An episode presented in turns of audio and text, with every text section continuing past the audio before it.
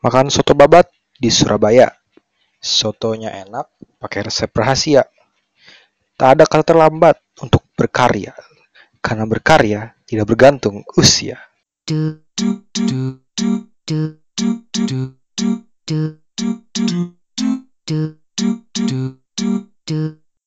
Assalamualaikum, halo warganet, khususnya untuk kalian para badminton lovers.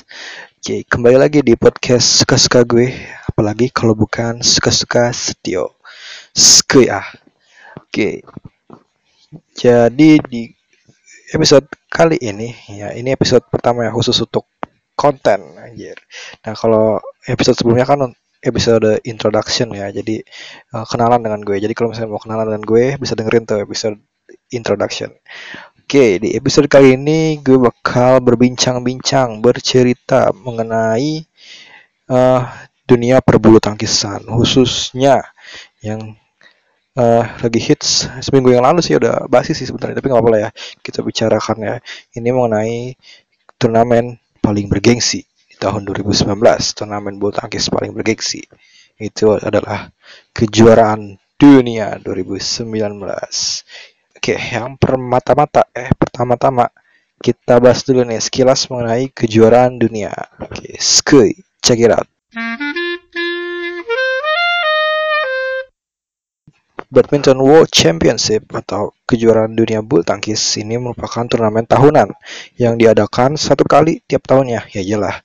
Nah, kecuali saat tahun Olimpik. Nah, jadi untuk tahun depan, tahun 2020 itu nggak ada kejuaraan dunia ya. Sebagai gantinya nanti ada bakal ada Olimpik yang paling bergengsi di antara turnamen-turnamen lainnya ini. Nah, eh, si kenapa paling bergengsi karena Olimpik itu cuma diadakan, diadakan 4 tahun sekali ya. Nah, untuk kejuaraan dunia tahun ini diselenggarakan di di Swiss yaitu di Stadium Saint Jacobsel di kota Basel. Nah, dari tanggal 19 sampai 25 Agustus kemarin, guys. Nah, untuk kejuaraan dunia ini selain menjadi turnamen bergengsi karena poin yang diperebutkan oleh para uh, atlet ini di mana si juaranya nanti itu bisa mendapatkan poin yang paling tinggi nih dibandingkan uh, dengan turnamen-turnamen uh, World Tour ya, lebih tinggi dibanding World Tour turnamen Super 1000 malah. Nah, selain itu si juaranya juga bakal dapet golden ticket guys untuk langsung masuk ke BWF World Tour Final yang isinya cuma 8 pemain atau pasangan tiap sektornya aja. Wow banget gak tuh? Oke, sebelumnya gue pengen flashback dulu nih ke setahun yang lalu ya. Ya, jangan kebanyakan flashback ya, nanti malah susah move on. Oke, Nah, di tahun 2018, kejuaraan dunia diselenggarakan di kota Nanning, China pada tanggal 30 Juli sampai dengan 5 Agustus 2018.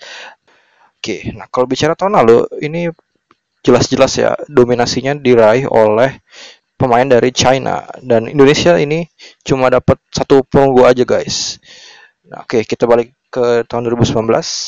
Di tahun ini uh, sayang ya banyak pemain favorit para BL ya atau para unggulan sih ya uh, yang harus withdrawn atau nggak ikut. Ya, gue sebutin beberapa. Yaitu yang pertama Mbak Carolina Marin dari Spanyol yang harus withdrawn karena uh, masih recovery uh, dari cederanya yang dialami ketika uh, bermain di final Daihatsu Indonesia Master melawan Saina Nehwal.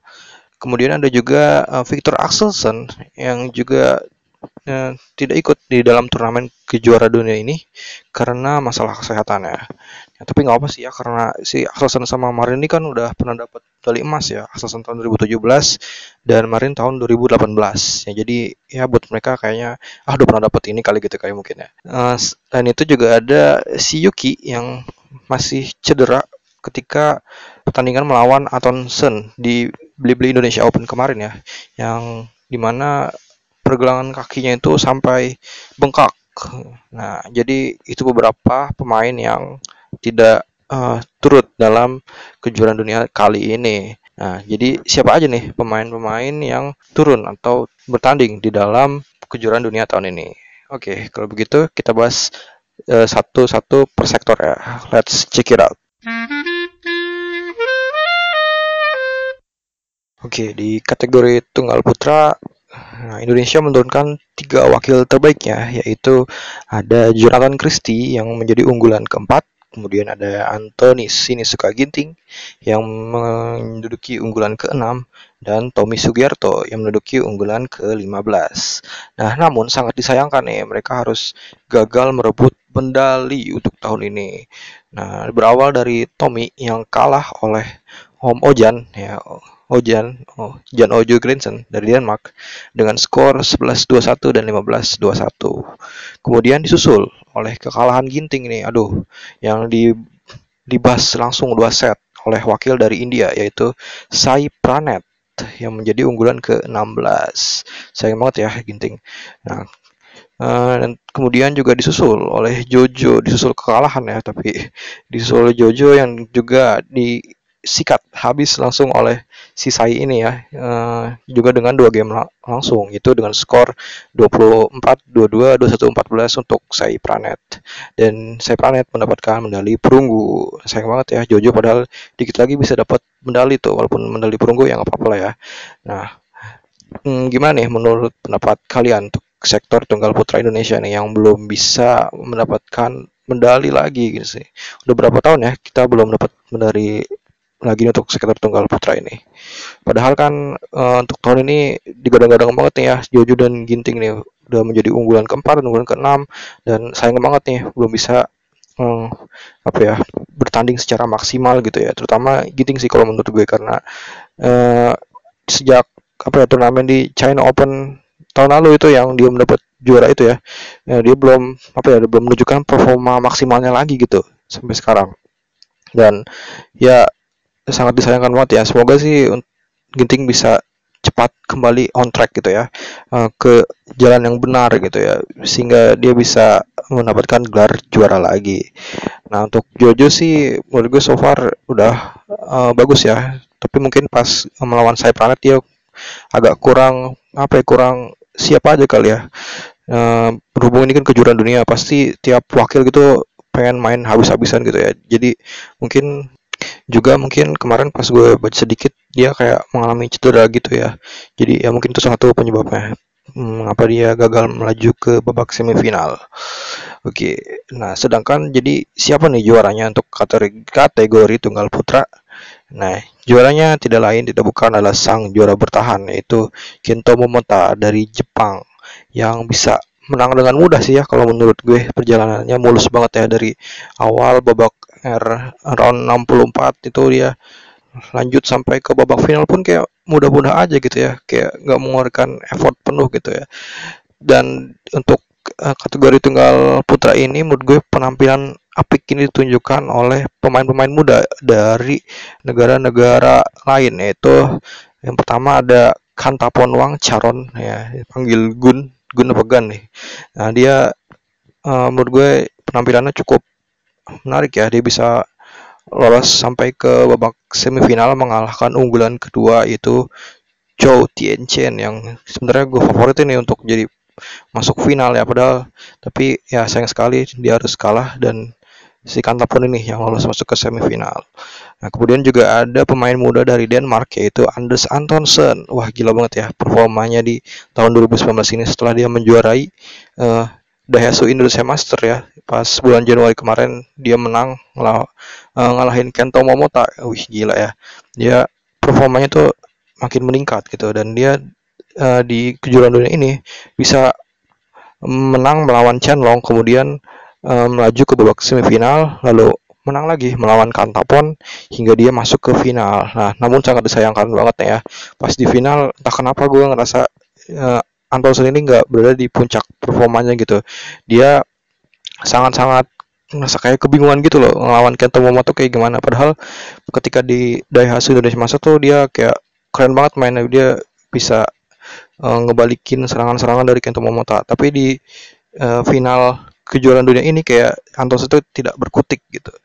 Nah jadi uh, kalau ngomongin tentang match terseru kayaknya uh, yang jelas bukan pertandingan-pertandingan dari Kento Momota ya karena dia menang dengan mudah gitu ya melawan dengan lawan-lawannya ya. Mungkin kalau lihat uh, dari skor siapa ya match terseru untuk kategori ini uh, sebenarnya sih gue juga jarang apa ya jarang streaming untuk non streaming atau nonton di kategori tunggal putra ini ya, dibandingkan dengan kategori yang lain. Jadi uh, susah juga ya sih nentuin match terserunya gitu ya. Mungkin kalau dilihat dari skornya pertandingan antara Kantapon sama Cho Tianzhen sih yang menurut gue paling seru ya oke kita lanjut ke sektor selanjutnya Oke, selanjutnya kita masuki sektor tunggal putri. Nah, Indonesia menurunkan dua wakilnya, yaitu pertama ada Fitriani, yang kemudian juga ada Gregoria Mariska Tunjung atau Georgie yang menempati unggulan ke-14. Nah, Fitriani dan Georgie sayang sekali juga belum bisa melangkah jauh untuk turnamen kali ini. Fitriani ya harus kalah di round 32 dengan unggulan kedua yaitu Queen Tai Ziying. Kemudian untuk Georgie, nah dia sedikit melangkah lebih jauh dari Fitri, namun sayang sekali juga belum bisa menembus uh, babak quarter final ya, karena di babak round 16 dia harus kalah nyesek sih ya, menurut gue melawan uh, unggulan lainnya yaitu Mei atau Ratchanok Intanon dari Thailand. Nah, walaupun uh, Georgie sempat unggul di game pertama ya, dengan skor 21-18. Nah, di game kedua ini juga unggul ya kalau menurut gue ya dan uh, hampir saja dia bisa masuk ke babak quarter final gitu ya. Uh, sempat uh, match point juga gitu. Namun sayang sekali harus kalah game keduanya dengan setting yaitu dengan skor 23-21. 21-23 untuk Georgie. Nah, dan di set ketiga sepertinya sudah habis bensin ya Georgie ini. Kalah oleh Racanok dengan skor 10-21 sehingga yang melaju ke babak selanjutnya atau quarter final adalah Racanok Kintanon dari Thailand. Padahal ini kesempatan bagus banget ya buat Georgie di sini karena unggulan kesatunya sudah tumbang lebih awal gitu ya. Siapa unggulan satunya? Ya, unggulan kesatunya adalah Akane Yamaguchi yang sekarang men uh, mendapat uh, ranking nomor satu ya setelah dia uh, juara di Indonesia Open dan Japan Open kemarin gitu. Sayang sekali ya untuk Kane Yamaguchi ke, udah kalah padahal dan Georgie wah dikit lagi dia mau menang nih padahal uh, dan dia di babak quarter final tuh melawan yang ngalahin si George yang ngalahin si Akan ini yaitu Yo Jiamin dari Singapura. Dan itu kesempatan banget ya untuk Georgie bisa melangkah lebih jauh padahal. Tapi ya bukan mungkin belum rezekinya aja ya. Jadi ya siapa tahu untuk tahun-tahun selanjutnya Georgie bisa lebih baik lagi. Nah jadi untuk kategori ini hmm, pemenangnya siapa ya? Karena unggulan pertama udah tumbang. Apakah unggulan kedua? Yang sayang sekali unggulan kedua juga tumbang. Dan tumbangnya ini oleh juaranya yaitu Sindu yang akhirnya tidak lagi menjadi Silver Queen ya. Karena tahun lalu uh, tahun lalu dia kalah oleh Carolina Marin mendapat medali perak. Tahun 2017 juga kalah oleh Nozomi Okuhara juga mendapat medali perak.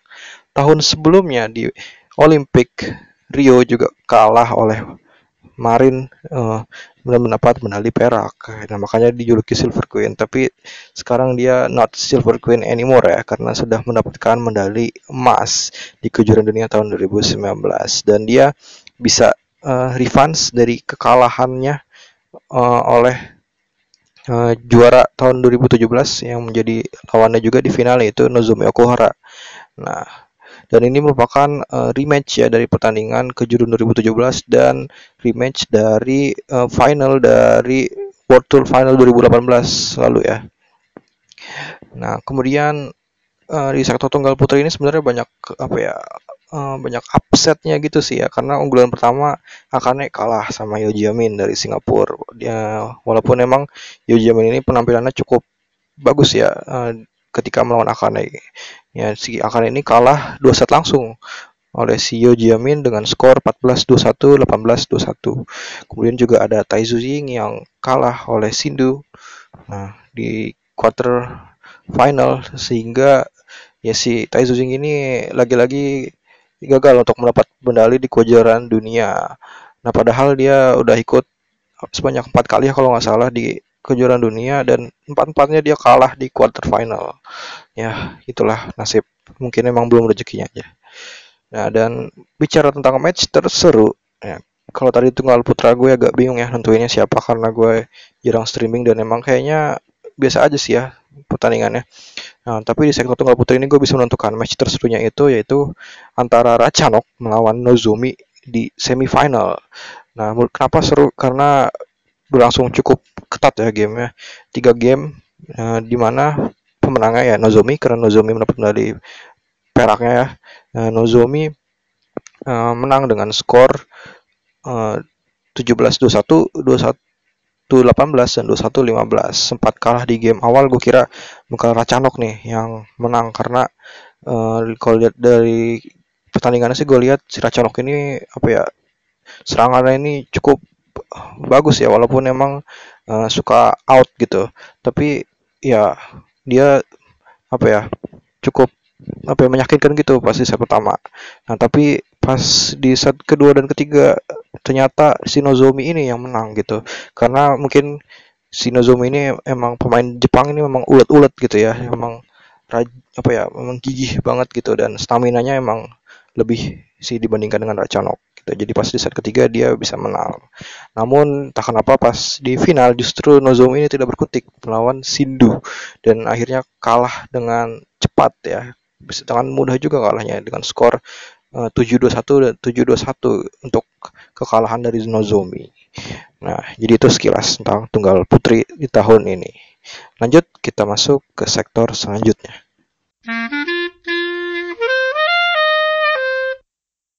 Selanjutnya kita masuk ke sektor ganda, yaitu ganda campuran.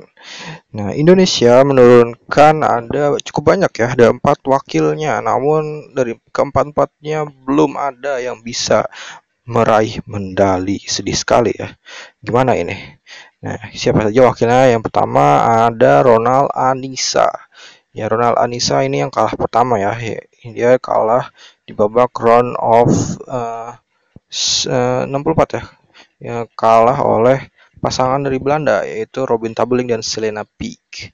Nah, kemudian yang kedua ada uh, pasangan muda yaitu Rinov Rivaldi dan Pita ya Mentari nah si Rino Pita ini dia kalah di round 32 nah, di round 64 dia menang melawan pasangan dari Jerman round 32 ini dia kalah oleh unggulan ketiga yaitu Yuta Arisa dari Jepang nah pasangan ke juara uh, eh, WJC World Junior Championship ini tahun 2017 ya kalau nggak salah. Nah, dia kalah oleh Yuta Arisa dengan tiga set. Nah, walaupun kalah, gue rasa mereka harus di apa ya apresiasi harus patut diacungi jempol ya karena eh, kegigihannya gitu ya melawan pasangan unggulan ketiga ini. Rinovita di game pertama kalah dengan skor 13-21 namun di game kedua menang dengan skor 21-19.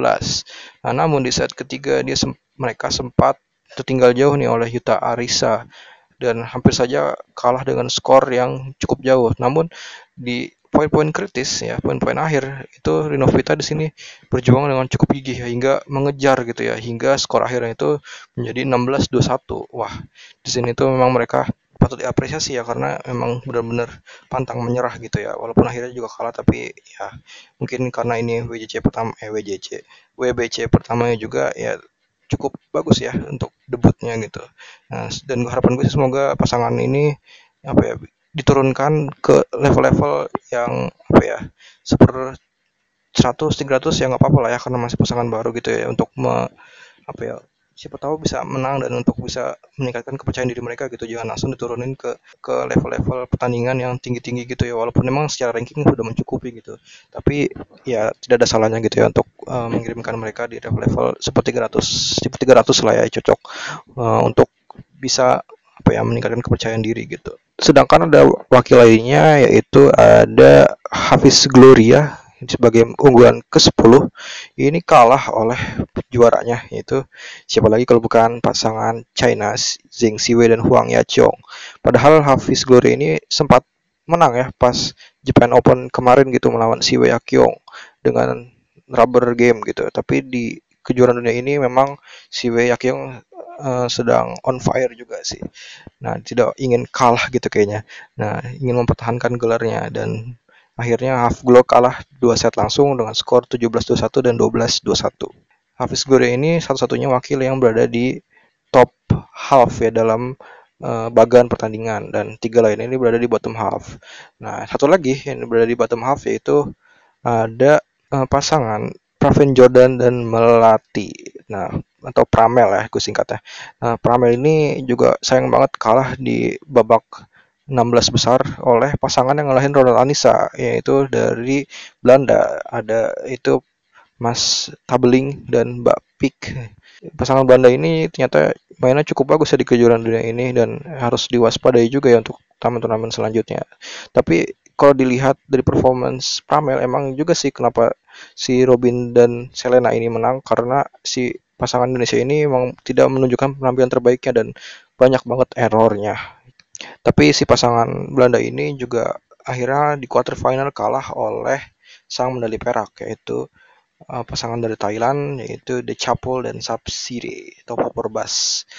Nah, tadi seperti yang telah disebutkan sebelumnya, yang menang itu adalah atau medali emasnya itu adalah Si Wei Yachong. Nah, mereka menang dengan mudah ya melawan medali peraknya yaitu uh, The Chapel Sapsire. Sedangkan untuk perunggunya ini ada uh, pasangan dari China juga yaitu Wang Yili dan Wang Dongping dan juga pasangan dari Jepang yang mengalahkan Rin of Pita itu Yuta Watanabe dan Arisa Higashino. Nah, uh, bicara tentang match yang paling seru di sektor ini, gue rasa itu pertandingan pas semifinal ya, yaitu ketika pasangan China Wang Yili dan Huang Dongping ini melawan pasangan Thailand The Chapol dan Sapsire. Nah, emang kedua pasangan ini emang sengit sengit banget ya. Mereka skillnya juga cukup sama gitu. Dan uh, seru juga sih pas semifinal ini kejar-kejaran skornya gitu. Oke okay, kalau begitu kita lanjut ke sektor selanjutnya. Oke, kita masuk ke sektor ganda putri. Nah, di ganda putri, Indonesia menurunkan tiga wakilnya, yaitu yang pertama ada Yulvira Jauza yang kalah di babak awal, awal banget ya. Ini oleh pasangan dari Thailand yaitu uh, Sapsiri dan Putita dengan skor 14-21 dan 15-21. Kemudian juga ada pasangan selanjutnya dari Indonesia yaitu Dela dan Rizky itu Delris ini kalah juga sayang sekali di babak 16 besar oleh pasangan Korea. Lee Sohee dan Shin Seung Chan dengan skor 17-21 dan 18-21 nah padahal di game pertama ini pas gue uh, ikutin live skornya Delris ini unggul ya uh, melawan si Lee Sohee Shin Seung Chan ini tapi tertikung di game pertama dan kalah akhirnya juga di game kedua Nah, sedangkan yang wakil ketiga dari Indonesia yaitu ada pasangan Gracia Poli dan Apriani Rahayu yang mendapatkan medali perunggu untuk Indonesia. Nah, sayang sekali mereka tidak bisa mengupgrade medalinya dari tahun lalu menjadi medali yang emas atau perak nah, karena kalah di babak semifinal oleh sang juara bertahan juga sama seperti seperti tahun lalu juga ya eh, kalah oleh Mayu Wakana di babak eh, semifinal ya, dengan skor uh, tahun ini itu 12-21 dan 19-21. Nah, tapi tetap harus kita apresiasi perjuangan dari Gracia Apri. Mereka akhirnya kembali lagi ke jalan mereka yaitu menembus babak quarter final dan menjadi semifinal gitu ya karena beberapa turnamen sebelumnya mereka juga konsisten gitu untuk bisa tembus masuk ke babak semifinal gitu. Nah, dan mereka akhirnya setelah sekian lama tidak tembus-tembus ke babak semifinal, akhirnya mereka tembus juga di kejuaraan dunia ya untuk masuk ke babak semifinal. Uh, untuk pemenang ya seperti yang telah saya sebutkan sebelumnya yaitu ada pasangan dari Jepang, Mayu dan Wakana. Yang mereka menang juga dengan kayak ini apa ya skemanya sama persis gitu ya dengan tahun lalu gitu. Mayu Wakana menang oleh Yuksai Yuki Sayaka. Nah, di babak semifinal Mayu Wakana juga menang melawan pasangan Indonesia Gracia Apri. Dan Gracia Apri juga menang di babak quarter final melawan pasangan China Chen Qingqing dan Jia Jifan. Nah sama persis sih kayak skema tahun lalu gitu. Nah dan di tahun ini Mayu Wakana juga menang dengan rubber game pas di final melawan pasangan Yuki Sayaka Nah sedih banget ya Yuki Sayaka ini udah berturut-turut mendapatkan medali perak terus di kejuaraan dunia, dunia. Nah di kejuaraan dunia kali ini uh, mereka harus kalah nyesek juga si rubber game dan setting dengan skor 11-2 uh, 11-21, 22-20 dan 21-23. Nah dan di sini menarik banget ya pas gue nonton juga pas di pas finalnya ini uh, si Mayu Wakana ketika melawan Yuki Sayaka. Nah di game ketiga terutama pas di game ketiga ini Yuki Sayaka ketinggalan nih udah 16-20 skornya. Nah itu tinggal satu poin lagi menuju kemenangan Mayu Wakana gitu kan. Nah tapi emang pemain Jepang yang pantang menyerah dan ulet ini dia akhirnya bisa mengejar juga ya uh, pasangan Mayu Wakana ini sehingga poinnya menjadi 21 20 wah itu udah match point banget gitu ya. Tinggal satu lagi untuk Yuki Sayaka. Eh malah kebalik ditikung oleh Maya Wakana jadi 23 21 sedih banget gak sih? Gila ini emang tikung-tikungannya pasangan ganda putri Jepang itu memang wah gila banget. Nah satu lagi uh, tentang pasangan Jepang. Uh, yaitu ada pasangan Shiho Tanaka dan Koharu Yanimoto yang tahun lalu juga mendapat medali perunggu ya. Dan sayang banget di tahun ini mereka gagal mendapat poin WBC bukan karena withdrawn eh bukan karena withdrawn karena retired ketika pertandingan melawan Mayu Wakana yaitu ketika babak apa ya gue lupa. Nah, dia eh, kenapa nggak dapat poin karena dia retired eh, mengalami cedera ketika pertanding melawan Mayu Wakana yaitu si Koharunya ya. Nah, terus selain itu juga ada pasangan Jepang lagi yaitu Misaki Ayaka, sang mendali peraih emas Olimpik. Nih. Nah, Misaki Ayaka ini juga menurut gue keren juga ya dan seru juga pertandingannya gitu.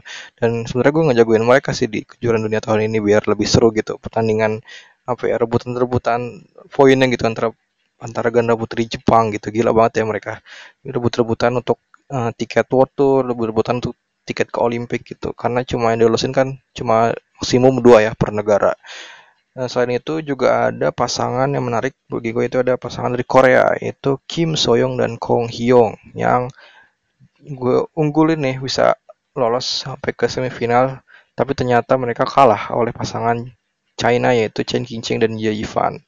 Nah tapi sebenarnya ada positifnya juga sih mereka kalah karena uh, ini membuat pasangan kita, pasangan dari Indonesia, Grace Apri juga jadi menang. Hanya mereka menang dari si Dora ini dengan skor uh, setting ya dengan skor ketat banget ya. Walaupun dua game menangnya itu skor 25-23 dan 23-21.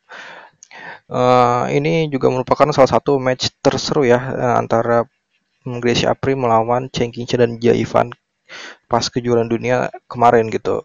Nah, selain pasangan uh, pertandingan dari pasangan ini ya match terseru lainnya itu yang gue nobatin paling seru sih kalau menurut gue yaitu uh, antara pasangan China yang mendapat medali perunggu yaitu Du Yue dan Li Yinhui yang melawan pasangan uh, Jepang Misaki Ayaka.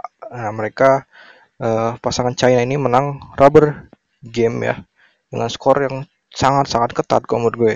Nah, di set di set lagi di game pertama uh, pasangan Jepang yang menang nih, skor 25-23. Nah, itu juga menang dengan cukup apa ya drama ya ketika di set pertama karena di set pertama ini si Duyue ini sempat ketabok raket sama pasangannya sendiri masih Lee Yun Hui ketika mau ngambil bola mau ngambil bola mereka rebutan gitu. Uh, hingga kayak hidungnya gitu kayak bengkak gitu sampai lama cukup lama ya dia minta apa ya rehat gitu diobatin gitu. Sampai si bisa gitu apa ya lompat-lompat sendiri di lapangan gitu agar tidak apa ya agar tetap panas gitu. Karena cukup lamanya si Duyu ini ditangani gitu. Nah tapi di set selanjutnya ternyata pasangan Cina ini tidak menyerah gitu guys. Nah dia justru menang di dua game terakhir ini. Nah, di game kedua menang 21-18 dan di game ketiga menang 25-23. Wah, hebat banget emang pasangan Cina ini. Walaupun sudah sempat kepukul raket, sempat apa ya disemprot juga si Lee Yun Hui di set ketiga mungkin agak keram gitu. Akhirnya mereka juga menang juga akhir guys. Nah, mungkin itu untuk sektor ganda putri. Oke, kita masuk ke sektor yang paling tunggu-tunggu, sektor terakhir yaitu sektor ganda putra. Nah, Indonesia mengirimkan empat wakilnya yaitu ada Minion, Bento, Fajri, dan Dedis. Kita bahas dari Bento dulu. Bento di sini mereka juga tidak bisa ber apa ya melangkah jauh gitu ya ke babak selanjutnya. Uh, Bento juga hanya sampai babak 32 besar yang kalah oleh pasangan dari China yaitu He Jiting dan Tan Qiang. Nah, selanjutnya kita bahas uh, mengenai pasangan yang unpredictable atau sangat tidak disangka-sangka gitu kalah di babak awal di babak 32 besar juga yaitu pasangan unggulan pertama yaitu Minions. Ya, ada Kevin dan Marcus. Nah eh, Kevin dan Marcus ini tak disangka-sangka akan kalah sangat cepat gitu ya di babak awal yaitu oleh pasangan dari Korea Choi Soo-gyu dan Seo Seung Jae dengan skor 16 21 21 14 dan 23 21 untuk kemenangan Choi Seo. Ini kalahnya nyesek banget guys, gue nonton dan gregetan banget tontonnya. Tak kenapa gue merasa Minion di sini juga tidak menunjukkan penampilan terbaiknya, uh, di mana gue tidak di sini tidak melihat uh, apa ya permainan-permainan serangan-serangan yang mematikan dari Minion dan apa ya pukulan-pukulan cepat dari Kevin itu kayak di sini kayak apa ya tidak terlihat gitu. Selain uh, gue rasa emang permainan dari pasangan muda Korea ini juga cukup baik ya, uh, terutama si Choi Solgyo ini dia punya apa ya smashnya bagus, defense-nya bagus dan servisnya juga bagus. Walaupun memang agak ngeselin ya servisnya cukup apa ya cukup memakan waktu yang lama ya servis dari Choi ini. Dan sampai uh, membuat kesal netizen Indonesia ya sampai uh, memaki-maki dia gitu. Kenapa servisnya lama banget? Ini, ini aduh kok ngeselin sih delay-delay banget ini. Oh, kayak gitu-gitu pokoknya. Uh, tapi emang sih yang pasangan Choi Seo ini cukup bagus ya penampilannya di ketika melawan Minion ini dan juga ditunjukkan ketika dia melawan pasangan dari Chinese Taipei Liang Wang Chilin juga uh, mereka menang rubber game gitu dan juga skornya cukup ketat. Nah, tapi percara, perjalanan si Choi dan Seo ini akhirnya kandas juga di babak quarter final dan dikalahkan atau dibalaskan dendamnya oleh pasangan Indonesia lainnya yaitu ada Fajri, yaitu Fajar Alfian dan Muhammad Rian Ardianto dengan skor yang cukup apa ya, cukup jauh juga ya cukup nggak jauh juga sih tapi ya cukup mudah lah untuk Fajri untuk menang melawan pasangan Korea ini dengan skor 21-13 dan 21-17 untuk uh, kemenangan Fajri. Uh, tapi Fajri di sini sudah bisa uh, apa ya cukup baik ya performancenya terutama di kejuaraan-kejuaraan besar ya pas All England kemarin juga mereka bisa dapat masuk ke semifinal gitu walaupun kalah juga sih ketika melawan pasangan dari Malaysia. Nah di kejuaraan dunia ini justru Fajri juga menunjukkan performa yang baik gitu dibandingkan dengan Minion gitu. Uh, Fajri uh, di babak semifinal harus bertemu dengan rekan senegaranya yaitu The Daddies ya, Muhammad Hasan dan Hendra Setiawan uh, kalah juga dengan rubber game dan di sini juga pertandingannya cukup seru ya kalau menurut gue cukup apa yang menarik gitu. Nah, dengan skor 21-16, 15-21 dan 21-10 untuk kemenangan The Daddies. Nah, tapi harus diapresiasi ya walaupun uh, kalah di sini Fajri mereka sudah mendapatkan medali perunggu gitu. Dan uh, sebenarnya gue sempat apa ya ragu gitu dan khawatir dengan pasangan ini dengan pasangan Fajar dan Rian ini karena apalagi ketika di babak 16 gitu ya 16 besar mereka melawan pasangan dari Malaysia uh, yaitu Go Visim dan Tan Wei Kyong gitu. Di game pertama mereka sempat kalah gitu. Dan gue nonton dan kecewa banget itu kenapa di game pertama ini mereka kalah dan banyak errornya gitu. Nah tapi ketika babak kedua dan ketiga mereka ternyata bermain cukup baik ya. Dan bisa menang dan melaju ke babak selanjutnya. Selanjutnya kita bahas pasangan yang terakhir dari Indonesia yaitu The Daddies yaitu Muhammad Hasan dan Hendra Setiawan yang bisa melaju hingga ke final. Dan akhirnya juga menang mendapatkan medali emas lagi. Nah, mereka menang melawan pasangan yang tadi diduga-duga yang tadi diduga untuk bisa bertanding di final gitu, yaitu pasangan Takuro Hoki dan Yugo Kobayashi. Itu dari Jepang. Nah, namun sebelum kita bahas Takuro Yugo, gue pengen bahas dulu nih pasangan Jepang lainnya yaitu ada pasangan Inoue Kaneko. Nah, Takuto Inoue dan Yuki Kaneko ya. Nah, di sini mereka walaupun cuma berhasil sampai ke babak uh, round 16 ya kalau nggak salah. Water itu nggak tahu. Nah, mereka apa ya hampir saja dia bisa lanjut ke babak quarter final gitu. Menang melawan pasangan dua menara Lee Junhui dan Lee Liu dengan skor 21-11, 19-21 dan 21-19 untuk kemenangan Lee Liu. Nah, yang kenapa gue highlight untuk pasangan Jepang ini karena ternyata performance mereka juga naik di kejuaraan dunia ini. Mereka bisa mengalahkan pertama mengalahkan dari pasangan unggulan Malaysia yaitu Aaron Chia dan di sini di babak 16 besar mereka cukup baik ya bermainnya pas gue nonton si Inoue ini juga cukup bagus itu serangan-serangannya. Tapi memang sayang pas di game ketiga eh, mereka walaupun sempat unggul gitu ya akhirnya tertikung juga oleh pasangan dua menara ini karena agak kurang tenang gitu ya si Yuki Kanekonya kalau menurut gue apalagi ketika pas servis gitu. Nah selanjut kita balik lagi ke pasangan muda Jepang lainnya yaitu ada Takuro Hoki dan juga Kobayashi yang ternyata mereka emang lagi on fire banget nih. Setelah mereka bisa mengalahkan Kamura Sonoda di babak uh, awal-awal ya. Um, mereka juga bisa mengalahkan uh, unggulan lainnya yaitu Lee Junhui dan Lee Yuchen di semifinal. Wah mereka udah ngalahin unggulan kedua atau eh udah mengalahin medali perak tahun lalu ngalahin juga medali emas tahun lalu gitu. Nah, dan memang dari apa ya, track recordnya dari pertandingan-pertandingan turnamen sebelumnya mereka juga cukup baik gitu terutama pas Indonesian Open. Mereka juga ngalahin pasangan seniornya itu Kabura Soda dan bisa melaju sampai ke babak uh, semifinal ya walaupun kalah gitu. Nah tapi emang mereka kalau dilihat permainannya cukup menarik ya. Apalagi si Yugo ini Yugo ini dia permainan apa ya pemain kidal gitu. Nah tapi tak kalah menarik juga permainan dari Takuro. Takuro yang bermain rangkap juga di ganda campuran bersama dengan Wakana. Ini apa ya progresnya juga cukup baik sih menurut gue dan dia defense dan serangannya juga cukup cukup bagus gitu ya. Dan sempet gue sempat kesel juga sih sama pasangan ini karena uh, udah diserang ber, beberapa kali gitu sama The Daddies pas final uh, masih ketangkis aja gitu. Uh, pukulan-pukul uh, semesan-semesannya gitu. Nah tapi emang pengalaman pengalaman yang berbicara di sini. Ya walaupun uh, mereka bagus tapi uh, akhirnya di game ketiga gitu di final Takuro Yugo ini kayak apa ya uh, sudah mulai keteteran gitu. Terutama si Yugonya sih ya sering banyak-banyak error gitu.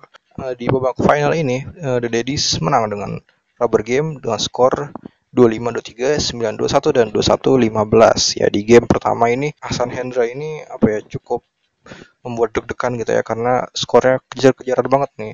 Yang Indonesia dapat plus satu tambah satu poin terus habis itu yang Jepang dapat satu poin. Gitu aja seterusnya sih. Makanya hingga terjadi setting ya skornya. Tapi alhamdulillah uh, Hasan Hendra ini bisa menang di game pertama gitu.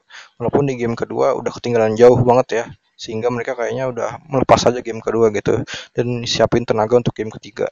Nah di game ketiga ini di se apa ya sebelum interval itu dia uh, juga cukup ketat poinnya. Namun setelah interval, di sini apa ya dengan mudah mendapatkan skor gitu karena si Yugo ini apa ya banyak error juga gitu dan bahkan di poin terakhir ya poin uh, dua satunya itu juga uh, terjadi karena bola out gitu jadi eh, pengalaman gitu ya mental di sini yang berbicara gitu kenapa jadi lah yang akhirnya bisa menang gitu oke itulah pembahasan mengenai sektor ganda putra di mana Indonesia berhasil mendali meraih medali emas Oke, selanjutnya akan ada sekelibat fun fact yang akan disampaikan oleh Bungkus. Oke, silakan Bungkus.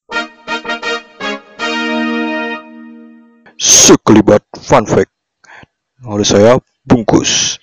Oke, kembali lagi pemirsa bersama saya Bungkus. Kali ini saya akan menyampaikan sekelibat fun fact mengenai kejuaraan dunia tahun 2019.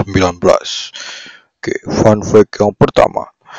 Pasangan Ahsan Hendra mencatatkan rekor, rekor, rekor khususnya untuk Hendra Setiawan dia mencatatkan rekor sebagai pemain tertua yang mendapat medali emas pada kejuaraan dunia sejak era BWF. Fun fact yang kedua, pasangan Ahsan Hendra telah mengikuti tiga kali World Badminton Championship dan tiga kali juga mendapat medali emas di World Badminton Championship. Dengan demikian, mereka tidak terkalahkan.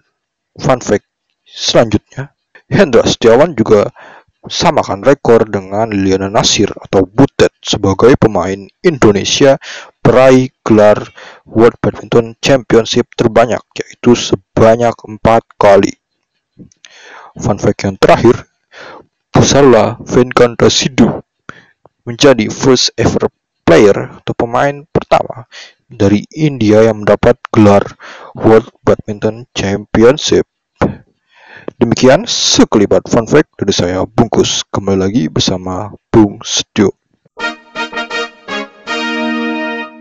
Oke, terima kasih untuk bungkus atas kelibat fun fact-nya.